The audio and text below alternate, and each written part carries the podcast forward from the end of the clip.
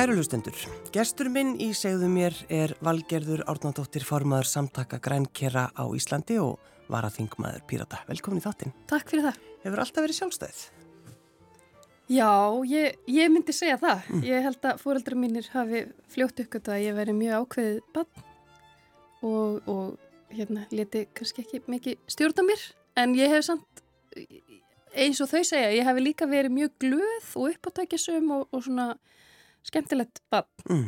og hérna þannig ég var kannski ekki erfið fyrir um úlingsár þó ég hafi alltaf verið ákveðin. Já, en þe þe þegar maður er 15 ára og, og fer til Mílan og til að minna sem fyrirsæta fara einn? Já, ég fór uppaflega einn. Uh, mér var leift að fara uh, vegna þess að vinkona mín sem var tveim árum eldri var að fara með mér. Mm og hérna... Já, 17 ára? Já, hún var 17 ára. Eh, eins og hún hefði miklu meiri reynslu en ég í lífinu. En hérna, jú, en svo reynda kom mamma mín. Þannig að fyrsta sumar ég fer strax eftir tíundabekk og er allt sumarið úti. Já. en mamma kemur og er hjá mér í mánu þegar ég er búin að vera hann í tvertra vikur. Og svona, þú veist, náttúrulega fylgist með mér og, og sér hvort að ég höndli þetta og, og ég er náttúrulega, mamma er svo mikil töffari sko, hún er náttúrulega gallarður feministi og, og hérna og, og sjálf flutti út 17 ára sko til Danmörkur í, í snirtiförunám og þannig að snirt, snirti fræðingin Já. þannig að hún vissi nú alveg hvaðan þessi ævintýra gerði mín kæmi sko og, og pappi fór að sjó 14 ára á flytningaskip þannig að hann var líka farin mjög snemma. Mm, Þannig að þau gáti í rauninni ekki sagt neitt. Nei, þau gáti í rauninni ekki banna mér það og, og, og þýtti lítið, ég held að mm. hafi líka sko séð bara þetta var bara mín ævintýra gerðni og og ég þurfti að upplifa meira í lífinu.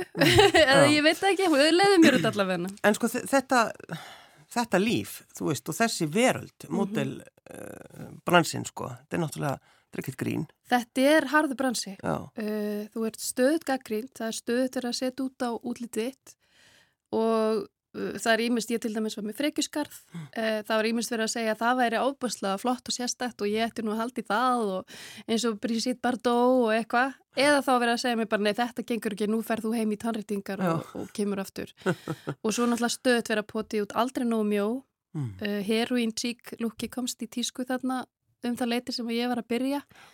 Uh, ég, ég fór út sagt 95 og ég var aldrei nógu mjó eða, eða þú veist svona óheilbrið í útliti fyrir það sko. Nei. en hérna ég hafði samt alveg nóg að gera. Mjög svona fjölbreytt verkefni. Og hérna allt frá því að vera bara í bæklingum í H&M og, og í einhverjum sjónvarsþáttum yfir í að vera á tískupöllunum á, á tískusýningum. En hvernig leið þér að, að vinna við þetta, Valgerður?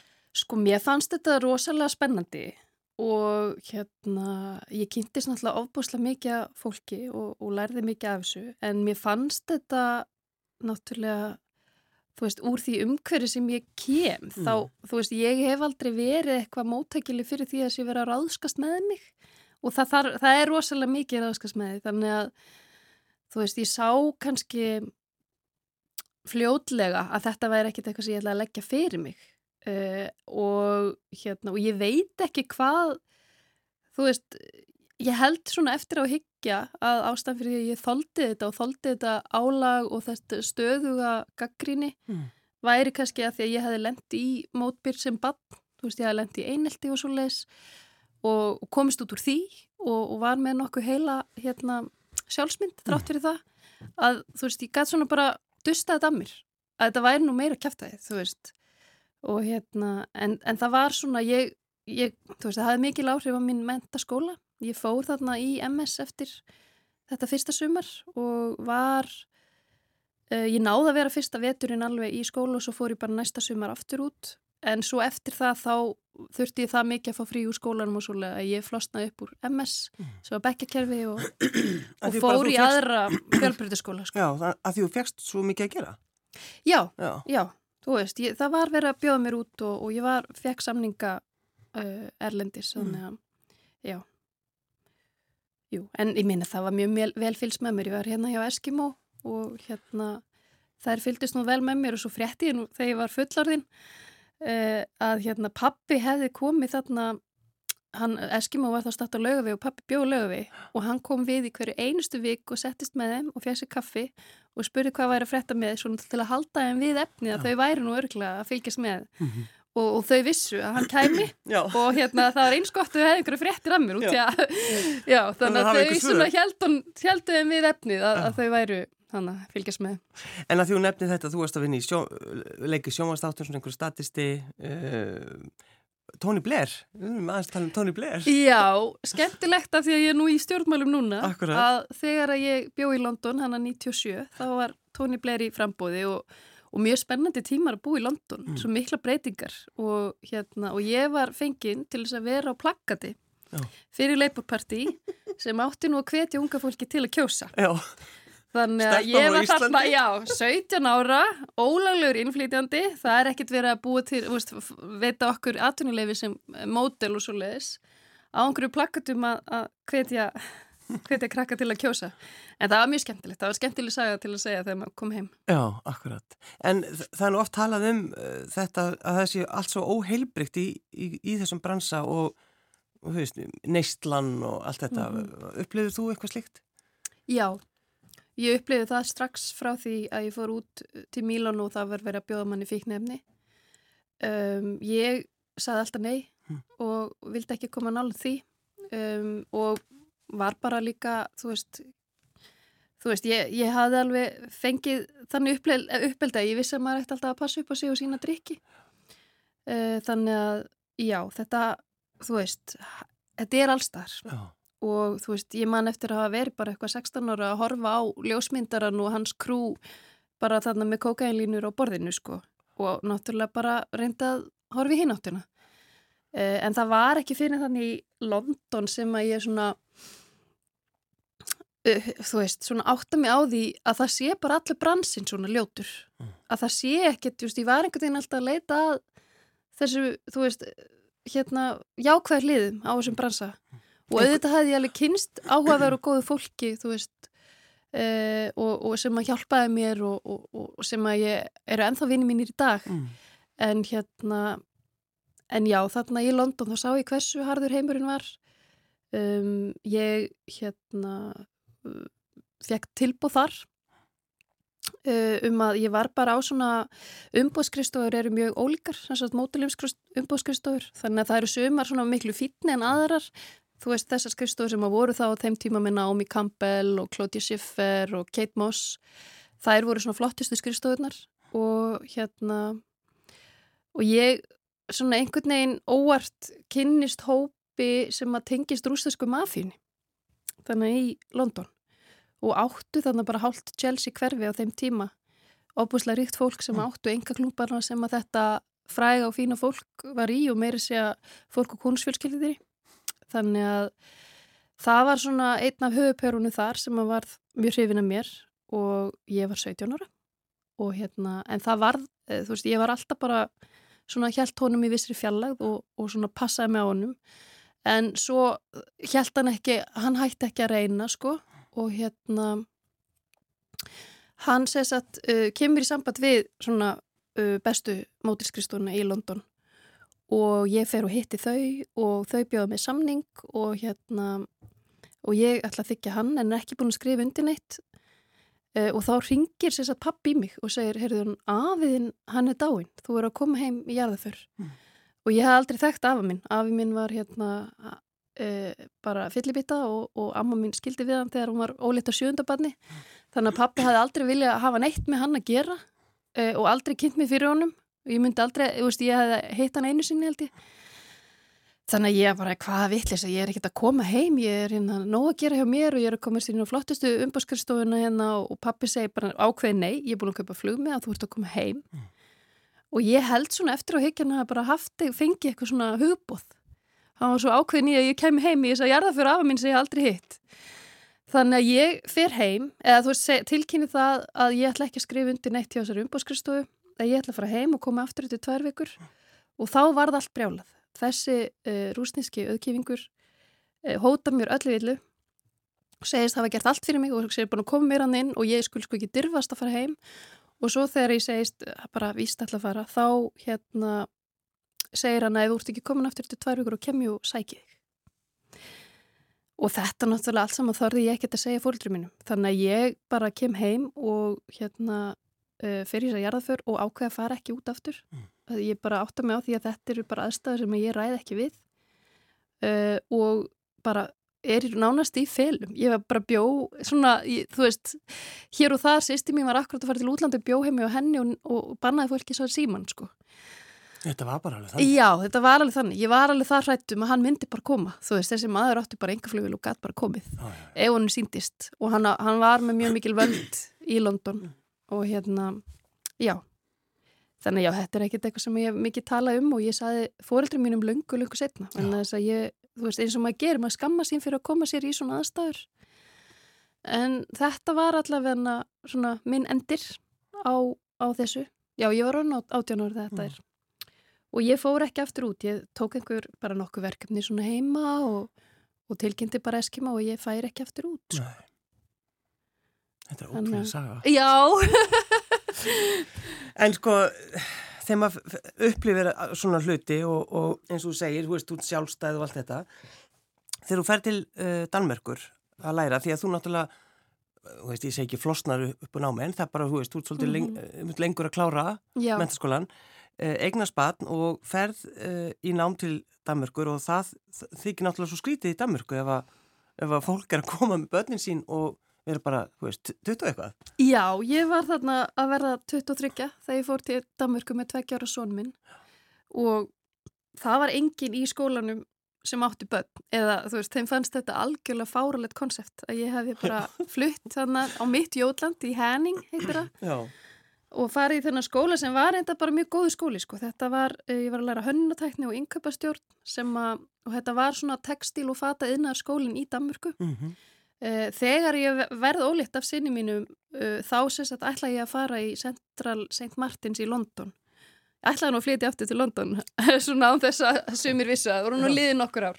En, hérna, en það er ekki hendt að kannski fara með lítið badd til London nei, nei. þannig að ég fresta þessum plönum og fer svo til Danmarku, finn þannig skóla þar og þá er mitt kemur mamma með mér uh, hún tekur sér námsleifi frá vinnu og, og er með mér út í ár mm. og, og kærasti minn sem ég átti þá, hann eldi mér nú líka út þannig að ég var þannig reynda bara í tvö ár ég, ég kláraði ekki BA, ég kláraði diploma og hérna Já, uh, kæristu mín var hann með mér setna árið en við sáum svona að það er opbúslega erfitt að vera einhver staðar algjörlega án all, alls nets. Mm. Það voru engara ömur og afar, enginn til að passa að hjálpa okkur að neinu leiti og við svona ung sko og með són minn sem að var rosa svona ömmustrákurinn og tvær indislegar ömmur sem að hann talaði mikið um og, og afana sína líka sko og var einhvern veginn alltaf hvena fyrir við heim til Íslands og svona þú veist, þó hann hafa alveg verið annaður, þú veist, en, en hérna ég,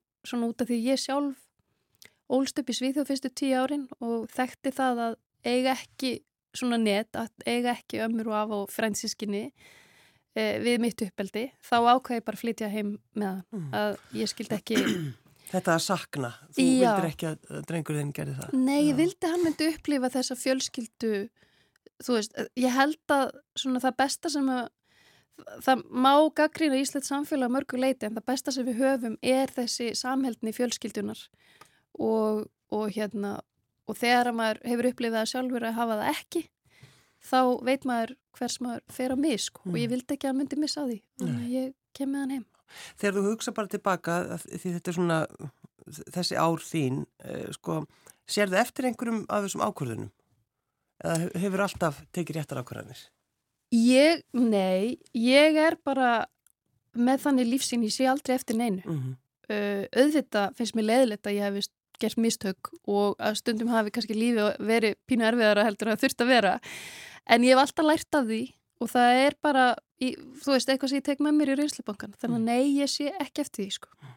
Ég sé kannski pínu eftir því núna að ekki klára að bíja svona þraukað í eitt og halvt ári viðbót. Já, þannig að í henning, verðin þess að nú er ég komin aftur í háskólan vegna þess að ég er að klára bíja mm. og hérna, já, en nei, ég sé í raunin ekki eftir hennu. Mm. Uh, Valgerður, uh, akkur þetta í veikindalefi? Já, sumarið uh, 2021 þá er ég á ferðarlegi og hérna lendi í Slisi.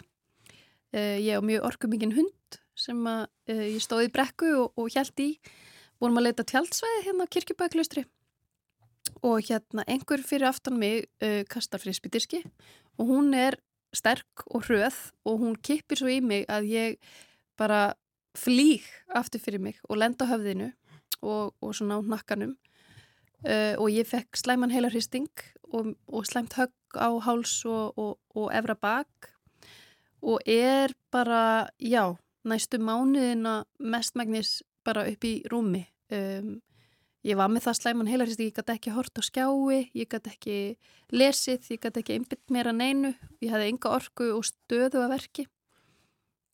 Sko, og hvernig, hvernig leiðir andlega?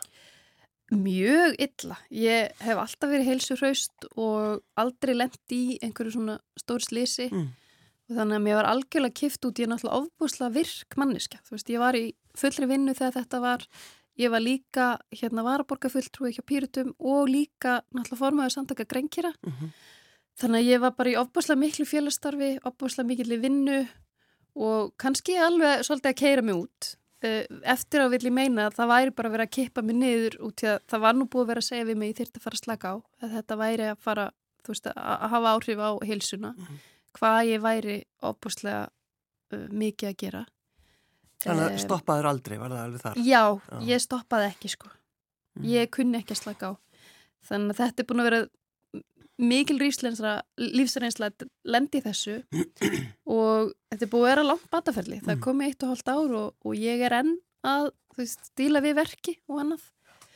En ég er bara í stöðri endurhefingu og, og hérna og hjá sjúkraþjálfara og í æfingum og og hérna, og þurfti líka að fara til taugasalfrængs og annað til þess að svona, já, díla við þetta sko.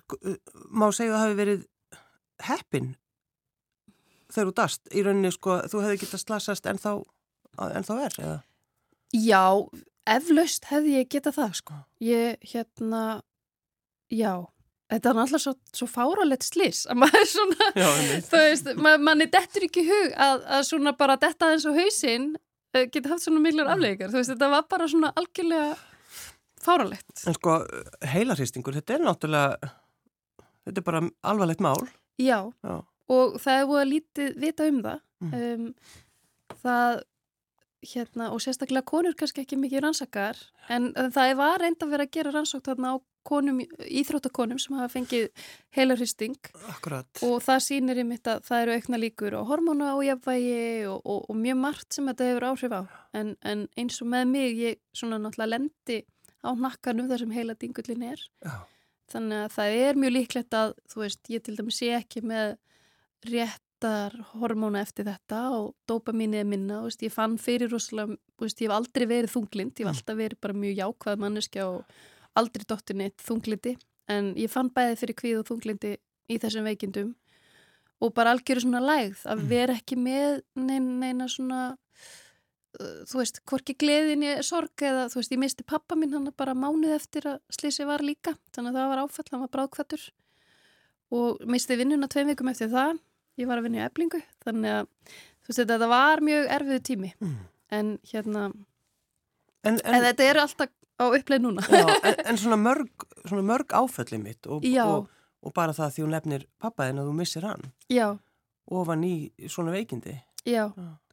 það var líka mjög erfitt sko, ég hafi verið að hugsa um hann alveg í tvö ár, hann hafi verið mikið veikur og mikið inn út á spítulum og ég er hans eina bann um, þannig að svona út af því að ég hafi verið veik alveg í mánuð áður en að hann deyr sem sagt þá hafði ég ekki geta verið jafn mikið til staðar þennan síðasta mánu og ég var með óbúslegt samviskupið yfir því þó mm. ég réð ekki við þar aðstæður þá þegar hann deyr þá, þá svona já, þá líður manni óbúslegt að hafa ekki verið til staðar jafn mikið mm. svona síðasta mánuð þegar hann var svona veikur og hafi ekki ég hefði náttúrulega aldrei getað komið í veg fyrir þetta hann dór hjartáfalli og var með þrefaldar kransæðastýplu þú veist, þetta mm. var að fara að gerast en ég vissi bara ekki hvernig, það var nýkomin inn á hjókurunaheimili og, og þetta var svona áfæ, óvænt áfall sko. Já, já. Bara, já.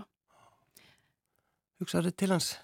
Já, ég, ég gerir það. Ég, pappi minn var minn svona helsti stuðnismæður í lífinu sko, hann alltaf að hvetja mig áfram í öllu sem ég gerði Já. og ég gæti ekki gert fylspor það er gott að hafa svona eina mannesku sem gaggrínir mann ekki. Heldur stiður mann alla leið. Ég var sko það er ekkert sem að ég hef gert í lífinu sem að hann honum fannst ekki bara frábært. Já, það er svo, það er svo gott. Já, Það er mjög gott að hafa þannig. Það nákvæmlega verður alltaf að vera eitt svo leiðis Eitt það maður, ná, auðvitað þarf maður að að hafa gaggrínisrættir í kringu sig en það er gott að hafa eitt svona harðan stuðningsmann. Það, það er líka svo, þetta er svo falleg sagan sem þú segir frá honum að hafa alltaf bankað upp á hjá Eskimo bara til þess að fá, sko, fá fréttir. Og Já. það er bara, veist, verið á tánum því að dótti mín er úti í hinnum stóra heimi. Já, Já, algjörlega, hann ætlaði sko sannarlega að passa upp á þau væri að fylgjast með mér. Já, og, hérna, og það vissi ég ekki fyrir en ég var honum þrítug sko. ég, hérna, var ekki, hann var ekkert að segja mig það. Nei, nei, nei. En ertu sko, lí- líður þér betur núna svona líkamlega? Ertu, ertu farin að verða, ertu orðin betri? Já, ég er mikið betri ég myndi segja sko ef að ég var 100% þegar þetta gerðist þá er ég komin upp í svona 70% Mm -hmm. ég þarf að komast lengra uh, bara með orku og innbyttingu og, og, hérna, og líka bara verkir hafa rosalega mikil áhrif á getumanns Já, já. og, Og svo náttúrulega andlega líka. Já, og andlega. Já, en ég er búin að vinna veist, ég er búin að fá þennan tíma til þess að vinna með fagfólki í bæði þessum áföllum og í líkamlegu hérna, einkennunum. Mm uh, þetta síðastleina eitt og halva ár reyndar fyrsta halva ári fekk ég í rauninni enga hjálp. Það var engin svona sem að tók utan um þetta. En svo datt ég inn á rétta staðin sem að hjálpa mann eftir heila hristing. Já. Og, og svona síðasta árið fengi ég almennilega hjálp og, og komist upp úr þessu sko Mm. og komin í þannig fullt nám sem er alveg krefjandi Ég ætla að segja það. þegar maður er með einbyttingaskort og heilaþoku. heilaþóku að vera í stjórnmálafræði þar sem er mjög mikið lesefni og, Mm. og hérna svo les En, en þetta kannski lýsi þér svolítið, eða ekki, sem karakter? Jú, ég held það. Ég, ég þarf alltaf að vera að gera eitthvað krefjandi. Mér leiðist ofbúrslega annað. Mm, Þú veist, ég þarf að vera að læra eitthvað nýtt og ég þarf að fá krefjandi verkefni í lífinu. já. Þó, að þetta kannski verið einum og mikið á, á, alltaf á sama tíma. Jú, svolítið, það má segja það. En þú náttúrulega, þú veist, var að þingum að pírata, er, er það einhver ástæða fyrir því þá þú ferði í stjórnmálafræðina? Viltu, viltu hafa það einhvern veginn með Já, ég sko, að þú ferði á þing? Eða þegar þú ferði á þing? já, í, náttúrulega bara, ég vildi fara í umhverfis og öðlindafræði, en það er mastersnám uh, og ég stefni enn að umhverfis og öðlindafræði. Mm Það er þar sem að áhuga sig mitt og hjarta liggur er í umhverfsmálum og að fara vel með öðlindir okkar og, og, hérna, og hafa betri kannski eftirlit með þeim. Um, en ég kláraði ekki bíja á sínum tíma. Ég flutti þannig heim eftir tvö ár og hérna, þurfti bara að fara í háskólinu og klára eitthvað Já, og fór að skoða svona hvað, hvað mér ég hefði áhuga á annað og þá svona ligg lág stjórnmálafræðin svona þú veist, fyrir Mm. að, að ég geti náttúrulega aldrei tapa á því að taka hana og bara mjög áhugavert og skemmtilegt að fá meiri insýn vegna þess að þó ég hafi verið í stjórnmálum þá hef ég aldrei neitt sérstaklega stútir á þessi fræði mm. og hérna uh, mér finnst það bara mjög skemmtilegt sko.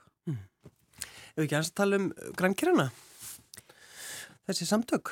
Jú, Mm. Þetta eru frábær samtök sem að ég hef verið viðlóðan síðan 2016. Uh, ég var græmetisæta eða svona fiskjæta bara 12 ára þegar ég hætti að bora kjött. Alltaf verið mikill dýravinnur og hætti að bora kjött þá. Uh, og var græmetisæta þannig til 1.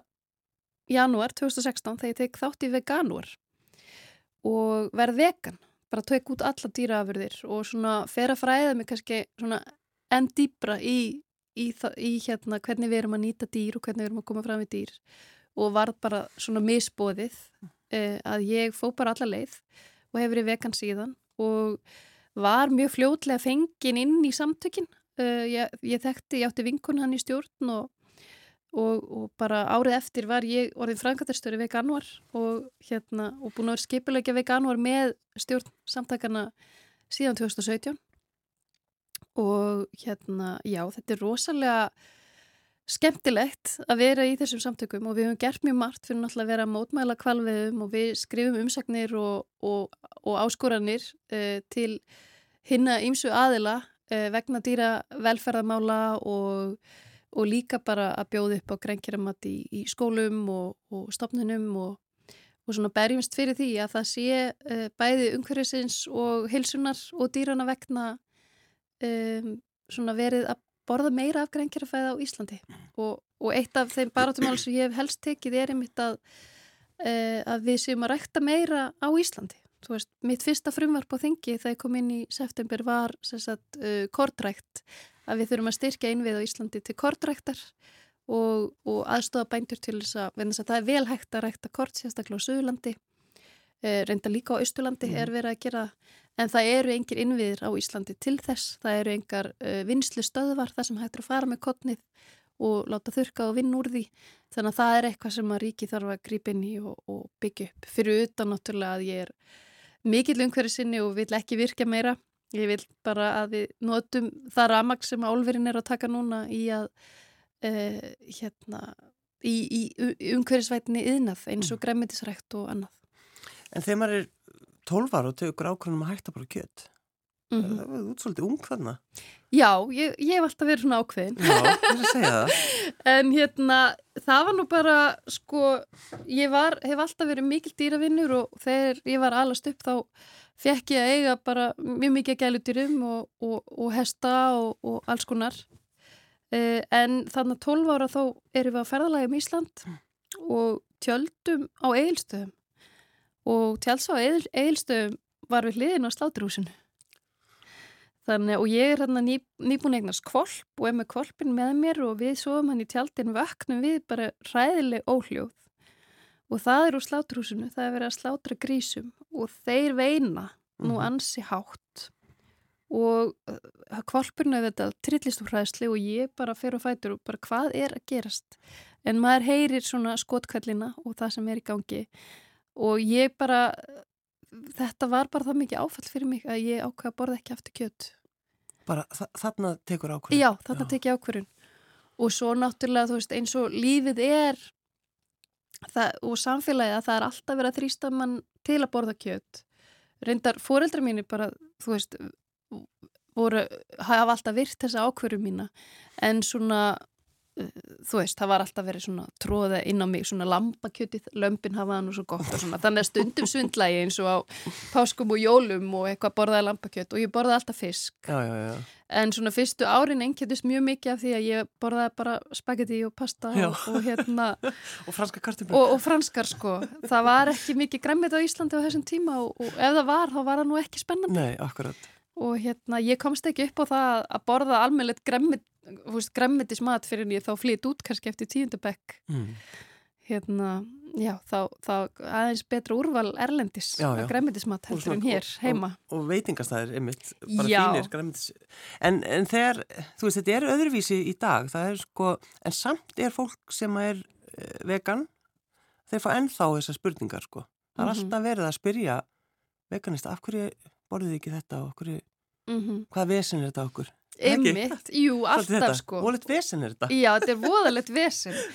Og margir gefast upp að því að þú veistu, kannski hafa ekki, þú veistu ekki byrðið til að þóla það að vera alltaf eitthvað vesen. Mm -hmm. þetta er ekkit auðvelt að einhverju finnst þú alltaf vera með eitthvað vesen. Nei, nei. þú þarfst að vera ansið ákveðin í, í þinni sannfæringu til ja. þess að standa við hana. Uh, en þetta er samt ekkit vesen. Þetta er vesen svona fyrstu mánuðina þegar þú ert að læra inn á þetta En svo er þetta bara mjög auðvelt og sérstaklega í dag. Það er bara ofbáslega mikið úrval mm. á grænkjærafæði allstaðar. Getur farið í hvaða stórveslun sem er og kift vel inn af, af græmyndismat og hvaða veitikast það sem er og fengið gott að borða. Mm -hmm. Svo líka það er svo gaman að fylgjast með bara frá svona kannski fimm ár, ef maður hugsa bara um fimm síðistliðin ár, að hvernig þeir eru að vinna að þannig að maður geti búið til svona innan gæðsalappa rjómasósu fyrir fólk sem er vegan, mm -hmm. þetta er alltaf, að, alltaf í þróun Já. Hvernig hægt er að, að búa til góðan mat á þess að nota dýraafurðir? Já, ég er rosalega sósukettling sko. Ég er alveg bara já, búin að finna bestu, ma bestu veganmatrislu rjómanna og er oft með einhverja mjög já. góða rjómanlaðar sósur. En, en framöndan er náttúrulega bara stjórnmánafræðin hjá þér og, og sko langaði ég að fara á, inn á þing bara á, á fullum, fullum þunga? Sko, já, mér langar það og það er svona bauðið mig fram uh, og ég sko ég vil bara beita mig fyrir betra samfélagi, hvort Mm. sem það er á þingi eða annars þar. Þannig að ef ég fer ekki á þing, uh, ég býst nú alveg við því að bjóða mig fram næst, en ef ég fer ekki á þing þá mun ég öruglega vinna í stjórnsýslunni og reyna að, að hafa áhrif uh, sérstaklega í umhverfismálum og, og málefnum dýra. Mm. Þess að við höfum nú séð ítrekkað uh, slæm, brot og dýravelfæra lögum undarfarið sem að ber að tækla og það þarf að vera betra eftirlit og við þurfum bara að koma betur fram við dýr. Þetta Mhm. eru ekki hlutir, þetta eru skynigeta verur sem að finna sársöka og, og hérna og eiga skilið betra Mm. heldur en við erum að bjóða þeim upp á. Hvað áttu hund í dag? Ég á ennþá hundin sem af allir slísinu. Já, já, já, já, já, ég á hund og að- kött. þú veist ekki að, að segja við hann, hefur, nú getur við ekki verið vinni lengur. Nei, nei, Nei. nei, nei. Þetta var náttúrulega bara slís og, og hérna, já. En ferðu, sko, ertu, ertu hrætt að fara með hann út að ganga? Ég var það, sko, ég var ofbóðslega passasum í langa tíma á eftir og hérna, uh, ég, ég fekk mér nú svona belti, þannig að ég gæti krækt inn í belti á mér, þannig að ég var sterkari og, og svona myndi ekki detta og líka bara því að hendi mín hægri fór alveg undir mig þegar þetta gerðist, þannig að ég átti erfitt með að halda í hana. Uh, en hérna, jújú, jú, ég var á mannbrótum allar síðasta vetur, nú er ég bara á mannbrótum eins og gamla fólki aldrei átt mannbróta áður en ég er alltaf á mannbrótum og alltaf að passa mig að þetta ekki, Mm. ég finn alveg fyrir því en ég geng með hana og veist, við reyfum hana mjög mikið hún þarf mjög mikla reyfingu og, og það sem betur fyrir helt áfram en það var mín eina reyfing svona til að byrja með í, í hérna mínu veikindalefi Já, þín, svona þínum bata. Já, Valgerður Arnóndóttir formaður samtaka grænker á Íslandi og varaþingum að Pírata. Uh, takk fyrir að koma. takk fyrir mig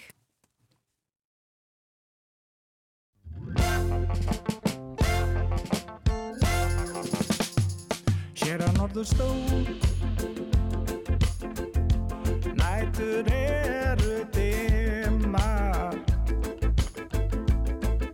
Og nafnur kuldin leipur Suma illa á hugar djúpin. Sækja grílur